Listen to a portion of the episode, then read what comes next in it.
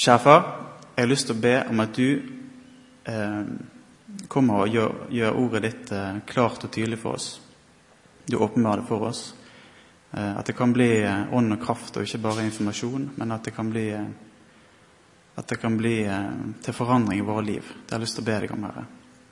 Må du fylle meg med, med, med din ånd, sånn at, at det er du som kan tale. Amen. Eh, Jeg skal bruke en av tekstene som er til denne søndagen. Og det er Galaterne 1, og det er vers 6-9. Jeg leser fra vers 6-12 med litt mer av sammenhengen. Jeg undrer meg over at dere så snart vender dere bort fra Ham som kalte dere, ved Kristi nåde, til et annet evangelium skjønt det ikke finnes noe annet. Det er bare noen som forvirrer dere og vil forvrenge Kristi evangelium. Men selv om vi eller en engel fra himmelen skulle forkynne dere et annet evangelium enn det vi har forkynt dere, han være forbannet. Som vi før har sagt, så sier jeg nå igjen. Om noen forkynner dere et annet evangelium enn det som, har, enn det som dere har mottatt, han være forbannet. Søker jeg nå å bli anerkjent av mennesker eller av Gud? Eller søker jeg å gjøre mennesker til lags? Dersom jeg ennå søkte å være mennesker til lags, da var jeg ikke Kristi tjener. Jeg kunngjør dere, brødre, at det evangelium som har blitt forkynt av meg, ikke er menneskeverk. Heller ikke har jeg mottatt det eller lært det av noe menneske, men ved Jesu Kristi åpenbaring. Galaterbrevet det er et ganske spesielt brev. Der romerbrevet er et mer logisk oppbygget og undervisende brev, så er Galaterbrevet mye mer et kampbrev fra Paulus. Han har de vanlige hilsningene før han går rett på sak i vers 6 med å konfrontere galaterne med den åndelige tilstanden som han opplevde hos dem. Og Det må ha vært en ganske alvorlig situasjon i Paulus sine øyne. Og som vi leser i resten av brevet, så er det selve frelsen som står på spill for galaterne. For de har begynt å vende seg bort fra Jesus alene til Jesus pluss Moseloven i tillegg. Pluss bud og regler i tillegg. Galatia det var ikke noen by, men det var et område i Lille-Asia, som er dagens Tyrkia, der Paulus tidligere hadde grunnlagt menigheter. Så brevet er ikke til én menighet, men det er til flere menigheter. Og Han snakker til menigheter der han sjøl sannsynligvis har forkynt evangeliet tidligere. Og det tror jeg kan forklare noe av den skarpe tonen som han bruker med galaterne. For de har hørt evangeliet rett forkynt av Paulus før. Så derfor så burde de vite bedre enn å vende seg bort fra det evangeliet som Paulus hadde forkynt for dem. Og Grunnen til at de vendte seg bort fra det, det var at det var kommet noen inn i menighetene etter Paulus og forvirret galaterne. De hadde forkynt noe annet. Disse noen kaller vi gjerne for judaister. Det var en gruppe jøder som var kommet til troen, men så lærte det at troen alene det var ikke tilstrekkelig for hedningene som kom til tro. Hedningene de måtte også omskjære seg og holde Moseloven for å bli frelst. Det var judaistene sin sånn i hovedtrekk, det de mente. Og med andre ord så var det for judaistene ikke nok det som Jesus hadde gjort. Man måtte holde seg til Moseloven i tillegg. Så læren deres det var et direkte angrep på nåden, på det frie evangeliet, det som Paulus hadde fått overlevert fra Jesus, og det som galaterne hadde hørt før. Og Derfor er Paulus så enormt skarp med galaterne. Fordi han visste det, at hvis de begynte å stole på egne gjerninger i tillegg til nåden for å bli frelst, så sto de i fare for å miste hele frelsen. For frelse i Nytestamentet det handler om å innse at man ikke kan bidra med noe som helst sjøl. Og at man mottar alt fra Jesus. Romerne 1,16. For jeg skammer meg ikke ved evangeliet. For det er en Guds kraft til frelse for hver den som tror, både for jøde først, og så for greker. Og Galaterne 5,3. Igjen vitner jeg for hvert menneske som lar seg omskjære, at han skylder å holde hele loven. Dere er skilt fra Kristus, dere som vil bli rettferdiggjort ved loven. Dere er falt ut av nåden. Og Selv om judaisten ikke er noen direkte trussel for oss i dag, kanskje på samme måten som før, så er det trusler som ligger nærmere for oss. Og Jeg tenker først og fremst på det som ofte vi kaller for, for loviskhet. Eh, loviskhet det handler kort fortalt om at vi prøver å behage Gud med våre egne gjerninger. Og det kan komme snikende over tid uten at vi helt merker det. Eh, det kan være at fokuset ditt i livet plutselig, eller over tid, dreier seg mer over på hva du skal gjøre for Gud, enn hva Han har gjort for deg. Eller at du begynner å tro, enten bevisst eller ubevisst, at Gud er mer fornøyd med deg eller elsker deg noe høyere når du gjør noe bra, og tilsvarende mindre når du gjør noe dårlig eller noe mindre bra. Og det blir et strev for at Gud skal bli fornøyd med deg. Du skal blidgjøre Gud, sånn at du kan fortjene Hans kjærlighet til deg. Og Du hører kanskje at det er feil når jeg sier det på den måten, Eh, men det er likevel ikke så enkelt å bli kvitt den forestillingen om Gud hvis du først har fått den bygd inn i deg. Den kan sitte dypt i oss gjennom oppdragelsen, f.eks. Kanskje fikk du gode ord bare når du oppførte deg bra. Kanskje fikk du ikke så mye kjærlighet når du oppførte deg dårlig. Og Mønsteret det setter seg i deg, og du forventer instinktivt at Gud han er òg sånn.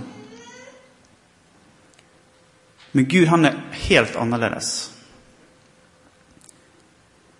Han elsker ubetinget. Ubetinget, det vil si helt uten noe som helst slags betingelser. Om du hadde lagt i koma og ikke klart å løfte en finger for å blidgjøre Gud, så hadde han fremdeles vært like glad i deg. Og Hans kjærlighet til deg det har rett og slett ikke så mye å gjøre med deg i det hele tatt, faktisk. Men det har sin grunn i han sjøl. Fordi at han er kjærlighet. Og han kan ikke la være å elske. Og når vi ser det, så kan vi komme ut av, av loviskheten, ut av dette strevet, for å behage Gud. Jesus han levde fullkomment her på jorden, etter loven, for deg, så du skulle få slippe. Og Det du, kommer du aldri til å klare. Han tok straffen for dine synder, så du skulle få slippe å dø. Og ikke bare det, men han tilregner deg sin fullkomne rettferdighet og hellighet Sånn at når du møter Gud som en kristen, så er du skjult i Kristus. Du møter ikke Gud som det gamle mennesket, først og fremst. Du er skjult i Kristus, du som tror på Gud, du som tror på Jesus. Og Gud, han er like fornøyd med deg som han er med Jesus. Det er noe som vi kanskje kan grunne litt på av og til. Gud er like fornøyd med oss som er frelst, som han er med sin sønn Jesus. Men ser ikke Gud vår synd? Ser ikke Gud at det ikke er så bra? Jo, han ser det. Men hvis vi holder oss til det som Jesus har gjort, hvis vi holder oss til nåden til korset og kommer til Jesus med synden din, så er den synden sonet for. Det er gjort opp. Det er ikke noe som skiller deg fra Gud lenger. Og du kan komme helt inn i Guds nærhet. Du kan komme helt inn i det aller helligste, selv om du i deg sjøl er en synder. Den rettferdigheten som du har fått ifra Jesus, den holder jeg for Gud. Og han trenger ikke at du skal bidra med noe som helst i tillegg. Men det er noe vi må ta imot i tro. Hvis du prøver å bidra med litt egne gjerninger sjøl, i tillegg til frelsen, så må du faktisk svare overfor Gud med alt i livet ditt. Det er ikke sånn at du kan ta litt av nåden og så litt av dine egne gjerninger. Det holder ikke for å bli frelst. Galaterne 3.10. Da står det sånn 3.10-11. For alle de som holder seg til lovgjerninger, er under forbannelse. For det er skrevet:" Forbannet er hver den som ikke holder fast ved alt det som er skrevet i lovens bok, slik at han gjør det. Og at ingen blir rettferdiggjort for Gud ved loven, det er klart, for den rettferdige av tro skal leve. Så jeg håper det at du ser hvor stor fare loviskheten er for oss. Eh, og hvor viktig det er for oss å holde oss i evangeliet, så vi ikke kommer inn i loviskheten. Og det kan stå om frelsen vår, faktisk. Det kan stå om frelsen vår. Eh, og evangeliet det står i en kamp i denne verden. Eh, både inni oss mot det gamle mennesket, som prøver å behage Gud på sin egen måte, egenrettferdigheten. Og det er en kamp mot denne verdens tankebygninger og ideologier som kolliderer mot evangeliet, mot Guds ord. Men hvordan skal vi kunne klare da å leve i evangeliet? Og hvordan skal vi kunne avsløre det falske, både utenfra, det som kommer mot oss fra samfunnet, og det som kommer innenfra, fra det gamle mennesket? Hvordan skal vi kunne klare å, å avsløre det? Eh, I sommer så var det en sak i nyhetene om at det var falske 50-lappsedler som var i omløp på Østlandet. Eh, og hvordan gjenkjenner man hvis det er en falsk seddel du har å gjøre med? Jo, du studerer en ekte seddel så godt at du vet nøyaktig hva som skal til for å se om det er falsk. For å overføre det på evangeliet så trenger vi å kjenne det ekte så godt at vi vet med en gang hvis noe er en forvrenging eller en forfalskning av det sanne evangeliet. Vi trenger å studere det, vi trenger å grunne på det, vi trenger å leve i det på en sånn måte at vi kan klare å avsløre det falske som kommer mot oss. For det vil komme, og det kommer hele tiden. Både innenfra og utenfra. Og det er ikke bare vi som forkynner, som må bruke tid på det. Men jeg tror det er at alle som vil bevare troen sin i en tid som der evangeliet er utsatt for kamp mange, fra mange hold, så tror jeg at vi alle trenger å bruke tid på, på dette. Og jeg tror det er helt avgjørende viktig at vi som kristne ikke bare får påfyll søndag formiddag. At vi ikke bare får påfyll en gang i uken fra en predikant eller forkynner. Men at vi lever i ordet uken gjennom. At vi tar til oss av evangeliet på egen hånd. Det tror jeg er helt avgjørende for at vi skal vokse, for at vi skal bevare troen. Eh, for det at vi har ingenting i oss sjøl å bygge på når det gjelder kristenlivet og vi har aldri så gode egenskaper, så har vi ingenting å bygge på i oss sjøl. Vi trenger påfyll utenfra. Og Gud har valgt ordet sitt som redskapet for å gi oss det.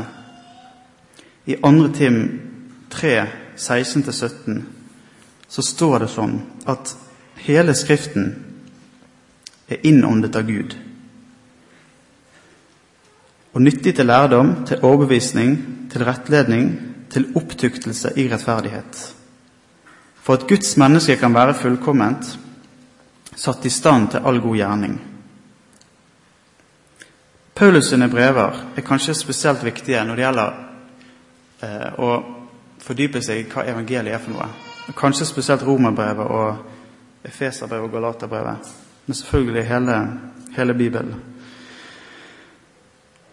Men jeg har lyst til å komme med en oppfordring til til slutt.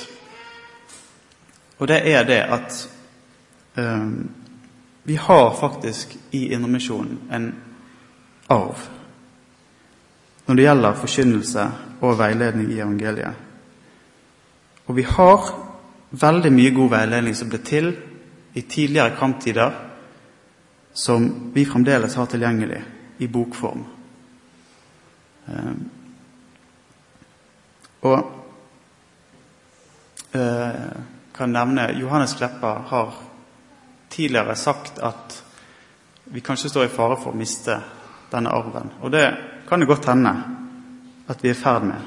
Men kanskje det ikke er for seint å, å uh, ta den tilbake. Kanskje vi kan um, begynne å se og grave i det som tidligere har vært skrevet, og se om ikke det er noe vi trenger å ta vare på. Um, og det er så mye god veiledning å finne. Ikke det at alt var bedre før, men jeg tror det virkelig er så mye bra som vi går glipp av i dag fordi at ikke vi leter etter det. Og Kanskje ikke det er noen som heller eh, for, for, forteller det til oss at det er der. Um,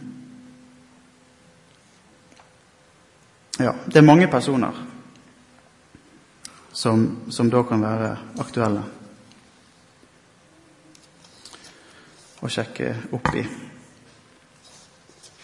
Um, Poenget med det som jeg ville si i dag, det er at vi har en arv å ta vare på. Det er én ting. Og vi står i en kamp om evangeliet, enten vi liker det eller ikke. Og vi kommer til å bli utfordret i den tiden som ligger foran oss. Eh, så vi trenger å leve i evangeliet, så vi ikke glir inn i loviskhet og strev. Eh, kjære himmelske Far. Jeg har lyst til å takke deg for at du kom. Du sendte din sønn. Du kom til jorden som et menneske. Takker deg for at uh, du døde for oss. Takker deg for at det er nok for oss. Takker deg, Jesus, for at det er ingenting som trenger å bli lagt til det. Det er ingenting som vi trenger å bidra med i tillegg til det du har gjort takker deg for det at det er mange ting vi skal få gjøre eh, for å tjene deg. Men jeg takker deg for at, at det er frukter ut av eh, din nåde. Frukter ut av det du har gjort for oss. Hjelp oss å vende blikket fra det vi, alt det vi skal gjøre for deg, og over på deg, sånn at, at tjenesten vår springer ut ifra de rette motivene, de rette årsakene. Jeg ber om at, at uh, du grunnfester oss i evangeliet, at du gir oss en, en lengsel etter å komme dypere ned i ordet ditt, hva du har gjort for oss. Det ber jeg om. Må du grunnfeste, styrke og beskytte oss i tiden som ligger foran, sånn at vi også kan være med og vinne nye mennesker. At vi kan bli et fellesskap for menneskefiskere. I Jesu navn. Amen.